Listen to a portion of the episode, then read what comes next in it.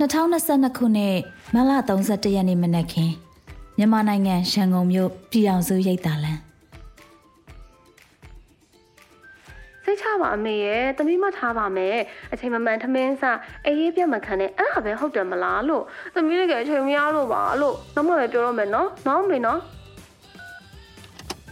ရှင်းရှင်းရဖုန်းချလိုက်ပြီးကားဆက်နိုးလိုက်ပါတယ်ရန်ကုန်ကိုသူရောက်လာခဲ့တာတလားကျော်သွားပါပြီ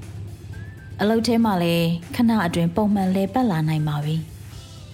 ဒီနေ့မနက်စောစောလာဝကရုံမှာ stay permit နေထိုင်ခွင့်လျှောက်ဖို့ချိန်ထားပါတယ်သူကားထွက်ဖို့ပြင်နေတော့မှပဲ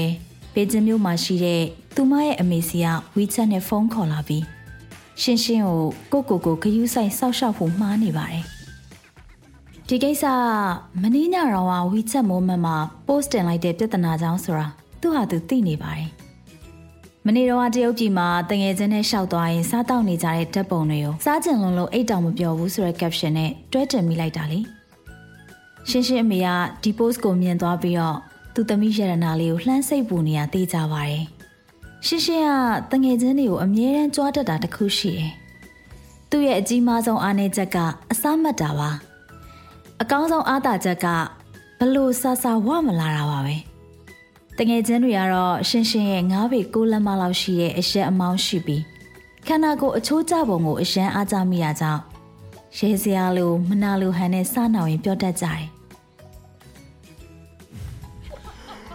နေရမောရတော့ဟုတ်ပါတယ်။အစီမတန်ပဲနဲ့အရက်ထွက်နေရလေ။တော်ကြနေအရက်ရှည်လုံးလို့ယောက်ျားမရပဲနေပါဦးမယ်။ရှင်းရှင်းမြန်မာနိုင်ငံကိုရောက်လာခဲ့ပြီးအလုံးရှုံနေခဲ့တာတလားကျော်လောက်ကြာသွားခဲ့ပါပြီ။ ဒီကိစ္စအဖြစ်အပျက်တွေကဟိုးအရင်တော့ကြာညောင်းခဲ့တဲ့အတိတ်တွေလိုဖြစ်နေပါတယ်။ပြည်အောင်စုရိတ်တာလန်နဲ့ပြည်လန်းထိတ်ကိုမောင်းလာရင်အင်ဒိုနီးရှားတန်ယုံဖီးစားတောက်ဆိုင်တန်းရဲ့လမ်းဘေးမှာအညီအညာချထားတဲ့ဇပွဲပူနဲ့ခုံပူလေးတွေနာကဖြတ်လာတော့မနက်ခင်းလေးကျင်ကန်ထွက်လုပ်ပြီးကြတဲ့သူတွေဟာအေးအေးလူလူနဲ့မနက်စာလက်ဖေးရစားတောက်နေကြတာကိုမြင်လိုက်ရပါတယ်။ ကိုဗစ်ရောဂါအခြေအနေကတဖြည်းဖြည်းသက်သာလာပါပြီ။ဒါပေမဲ့ရှင်းရှင်းရဲ့အမေကတော့ဝီချက်ထဲမှာသူ့ကိုယောဂါကာကွယ်ရေးဂယူးစိုက်ဖို့အတက်နိုင်ဆုံးအပြင်ထွက်ပြီးထမင်းမစားဖို့အမြဲတတိပေးနေတတ်ပါတယ်။မနေ့ညညမအိပ်ဖဲစာမှုရင်းနေခဲ့လို့မနက်မှာအိယာထားနောက်ကျသွားတာကြောင့်ကော်ဖီတစ်ခွက်ပဲတောက်ပြီးအလောတကြီးနဲ့အိမ်ကထွက်လာခဲ့ရပါတယ်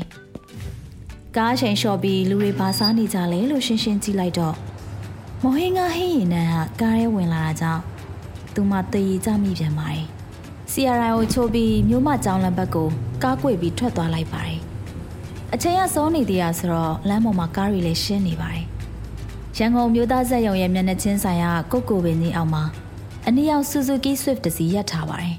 ။ခန္ဓာကိုယ်အနှဲငယ်ဝပြီးအလှပြန်ထားတဲ့ NEG တယောက်က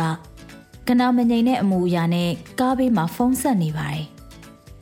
ကျောင်းစိမ့်ထမိန်နဲ့အင်ဂျီလက်တို့အဖြူဝတ်ထားတဲ့မိန်းကလေးတယောက်ကတော့နှကန်းဆူပြီးဘေးမှာရက်နေပါတယ်။နောက်မှလည်းဂျိုးဝိုးအိတ်လေးလွယ်ထားပြီးမျက်နှာလှလှလေးမှာတော့တနခါပပလေးလူးထားပါတယ်။ဟာရှိမဘာများဖြစ်လို့လဲမသိဘူးနော်။အန်တီကြီးရဲ့ပူပန်မှုတွေများနေတဲ့အမူအရာကိုမြင်လိုက်တော့ရှင်းရှင်းကကားချိန်ကိုရှော့ချလိုက်ပါတယ်။ အန်နီကြီးကလည်းကားတစ်စီးသူ့အနားမှာရပ်လိုက်တာကိုမြင်တော့ဖုန်းကိုမြန်မြန်ချလိုက်ပြီးရှင်းရှင်းရဲ့ကားအနားကိုရှောက်လာပါတယ်။ကိုလေးသမီးအန်တီကိုလေတခုလောက်ကူညီပေးလို့များရမလားယင်။ဟုတ်ဟုတ်ဘာဖြစ်လို့လဲအန်နီ။ရှင်းရှင်းကကားကိုသေးချာရပ်လိုက်ပြီး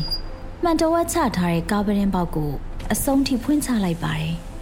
ဒလိုပါသမီးရဲ့ဟွာလေအန်တီသမီးဟာဒီနေ့ဆယ်တန်းသွားဖြေရမှာလေဆောင်းဝဲဖြေမဲ့နေရအောင်တနားရီလောက်ကြိုပြီးသွားရမှာဒါပေမဲ့လေအန်တီတို့အိမ်ကကပြက်သွားလို့သမီးရဲ့ဟုတ်တော့ဒီနေ့ကမြန်မာနိုင်ငံရဲ့အထက်တန်းစာမေးပွဲပထမရက်ဆိုတာရှင်းရှင်းအခုမှတတိယမိသွားတယ်ဒါမဲ့အန်တီသမီးဟာဟိုကားမပြင်တတ်ဘူးတော့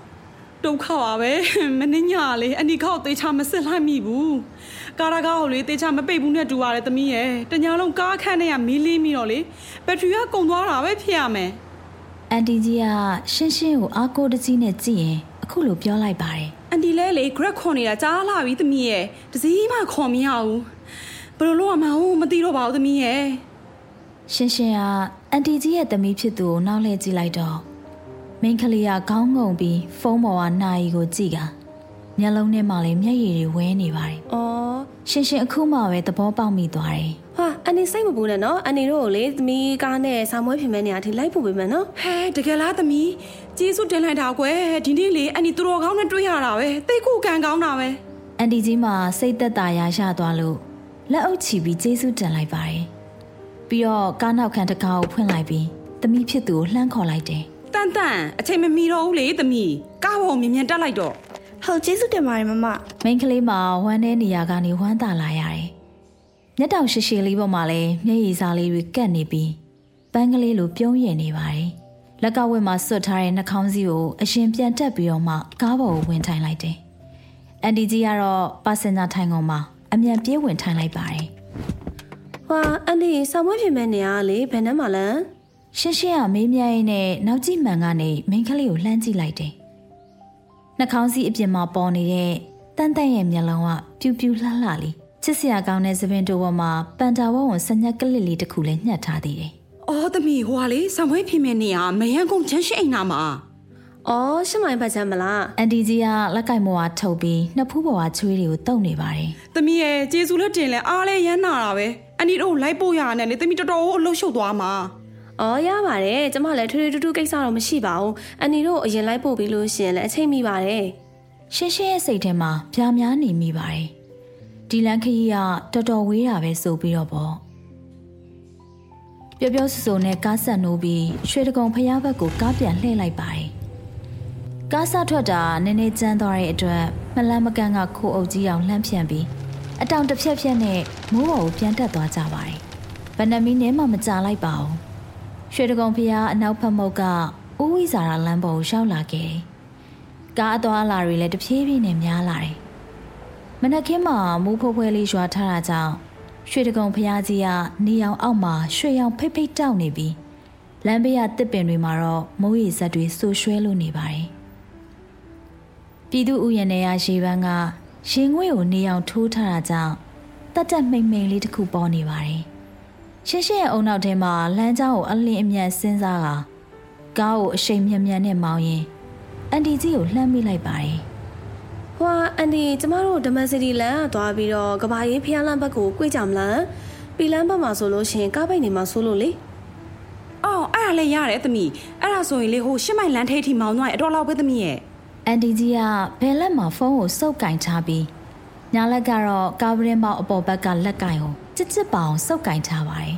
။ရှင်းရှင်းကကောင်းမောင်းတာမြန်ပေမဲ့ကျွမ်းကျွမ်းကျင်ကျင်မောင်းတတ်တာကိုမြင်ရတော့မှ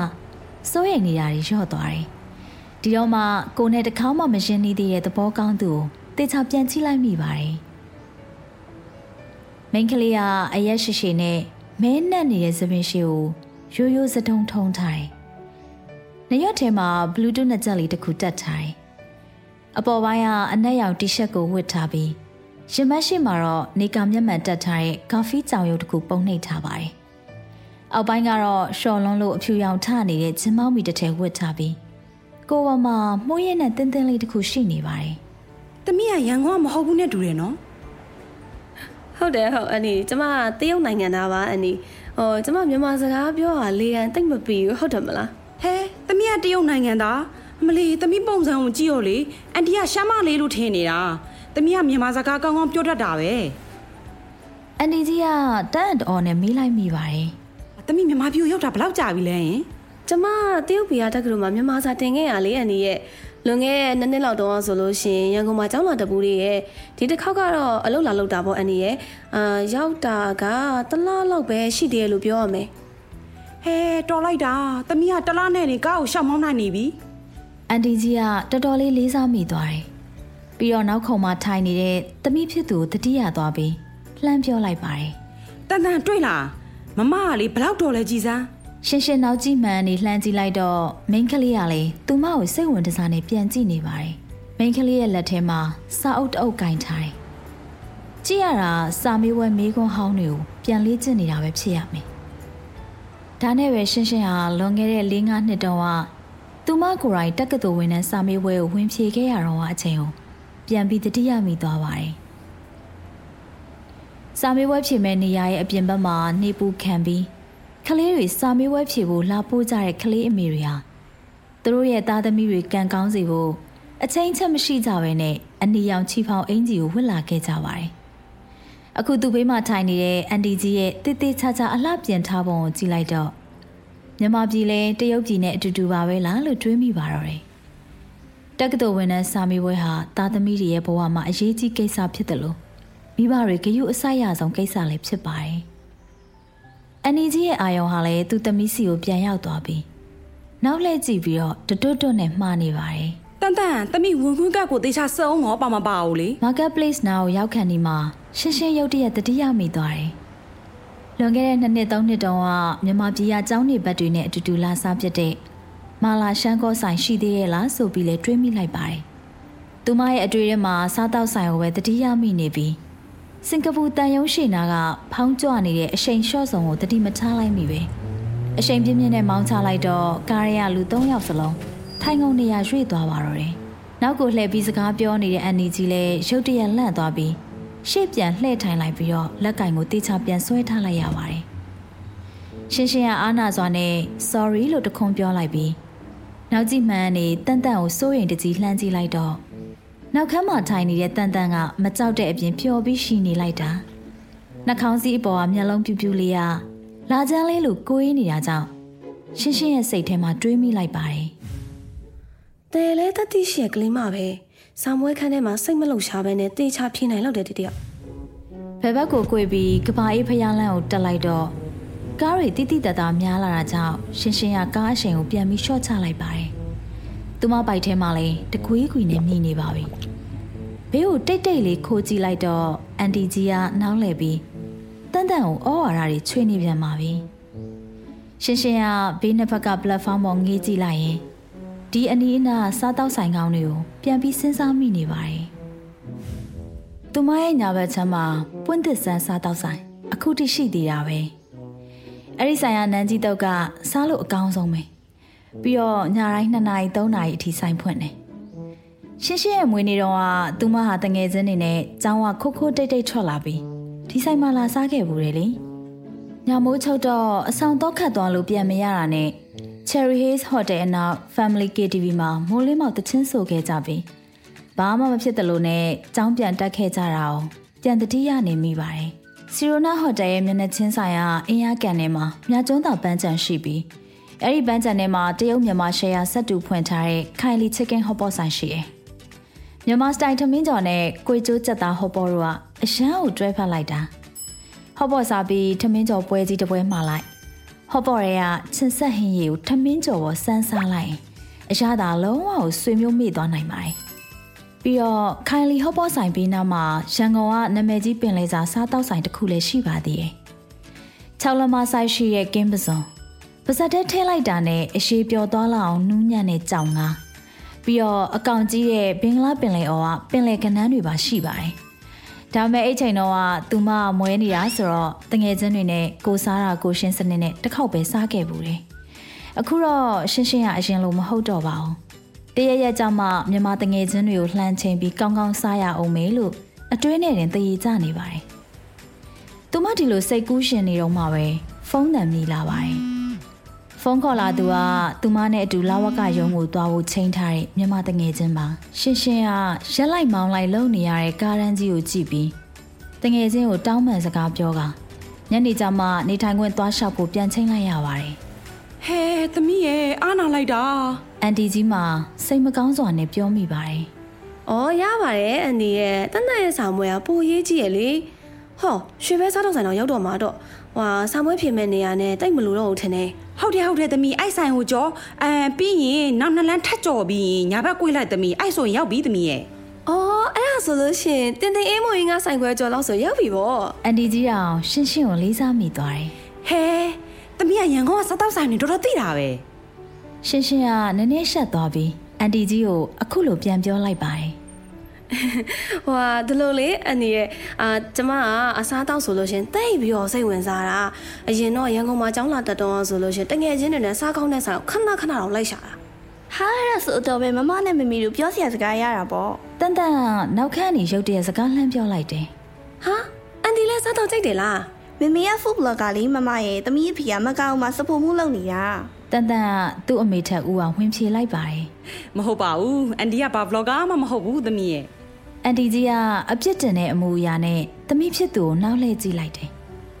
ဒါလို့သမီးရဲ့ဟိုဟာလေအန်ဒီကဟင်းချက်အရန်ဝါသနာပါတယ်နောက်ပိုင်းတော့လေအန်ဒီဟင်းချက်တဲ့ဟာလေးတွေကိုအင်တာနက်ပေါ်မှာစမ်းပြီးတော့တင်ကြည့်တာ။အော်ဖေဖေကမကောက်ဘူးမလား။မမလည်းတစ်ခေါက်သွားဘူးတယ်မကောက်ဘူးရှင်းရှင်းကအခုမှမီးဘဝထွက်လာတဲ့ကျဲဥပူတင်မုံအနံ့ကိုရလိုက်တာနဲ့ဘိုက်ကိုမတိမတာလေးချက်ထားလိုက်တယ် ဘိုက်ထဲကတကွေကွေမြည်နေတာကိုအန်တီကြီးတို့သားမိကြားသွားမှဆိုလို့ပါဟာမမဆောင်းဝဲဖြီမဲ့နေရရောက်ပြီဟိုမှာတမီးတငယ်ချင်းတွေရှင်းရှင်းကအကြောင်းတစ်ကြောင်းရဲ့အရှိမကားကိုဖြည်းဖြည်းချင်းရပ်ပေးလိုက်ပါတယ်တန်တန်ကတော့ကျေးဇူးတင်စကားပြောပြီးရနဲ့ကားပေါ်ကဆင်းပြီးတငယ်ချင်းတွေစီကိုပြေးသွားပါတော့တယ်ဒီကလေးကတော့လေအန်တီကြီးကရှင်းရှင်းကိုကျေးဇူးတင်စကားပြောရင်ကားပေါ်ကဆင်းလိုက်ပါတယ်။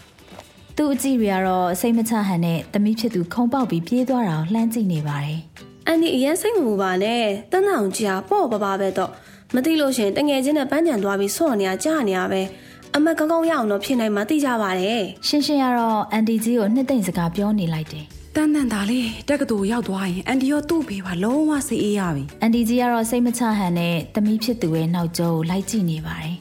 တန်တန်ရဲ့အဖေကလေမကောင်မှာ6နှစ်လုံးလုံးအပေမန်းခံပြီးတော့အလုပ်လုပ်နေရတာသူ့နောင်ရင်ကောင်းစားဖို့အတွက်ပဲလေသမီးကအစားတော့ကောင်းတာတွေကြိုက်တာဆိုတော့နောက်ရက်မှလေအန်ဒီစားကောင်းတာတွေချက်ပြီးပို့ပေးအောင်မယ်လုံးဝအာမနာနဲ့တိလာသမီးတန်တန်အဖေကပြောတယ်သမီးရဲ့အစားတော့ဆိုတာလေစက်တော်ရေးကရိယာတစ်မျိုးပဲတဲ့။အစားအသောက်ဆိုတာစက်တွေကြွေရတစ်မျိုးပဲ။ တယောက်ယောက်ကသူ့ကိုဒီလိုစကားမျိုးပြောခဲ့ဘူးတော့ရှင်းရှင်းတတိယမိသွားပါတယ်။ဒါပေမဲ့ဘသူပြောခဲ့လဲဆိုတာကိုတော့သူမမမှတ်မိတော့ပါဘူး။အပြန်အလှန်ဖုန်းနံပါတ်ပေးပြီးတော့အန်တီကြီးကအကြောင်းပြင်မှာသမီးကိုစောင့်နေခဲ့တယ်။ရှင်းရှင်းကတော့ကားဆက်နှိုးရင်းနဲ့ဘာဆက်လုပ်ရင်ကောင်းမလဲလို့စဉ်းစားနေပါတယ်။ကြည့်ရတာအိမ်မဲရင်ပြန်ရတော့မထင်နဲ့။ရေခဲတက်တာထဲမှာခောက်ဆွဲချောက်တစ်ထုပ်ရှိသေးရဲ့။ဟောင်ကောင်စတိုင်ခောက်ဆွဲပြုတ်ပြုတ်ပြီးတော့ lunch meat နှစ်ချက်ကို okay ကြော်မယ်။ထိုင်ဝမ်မုံညင်းနှစ်ခုကျုပ်တစ်လုံးမှထည့်စားပြမယ်။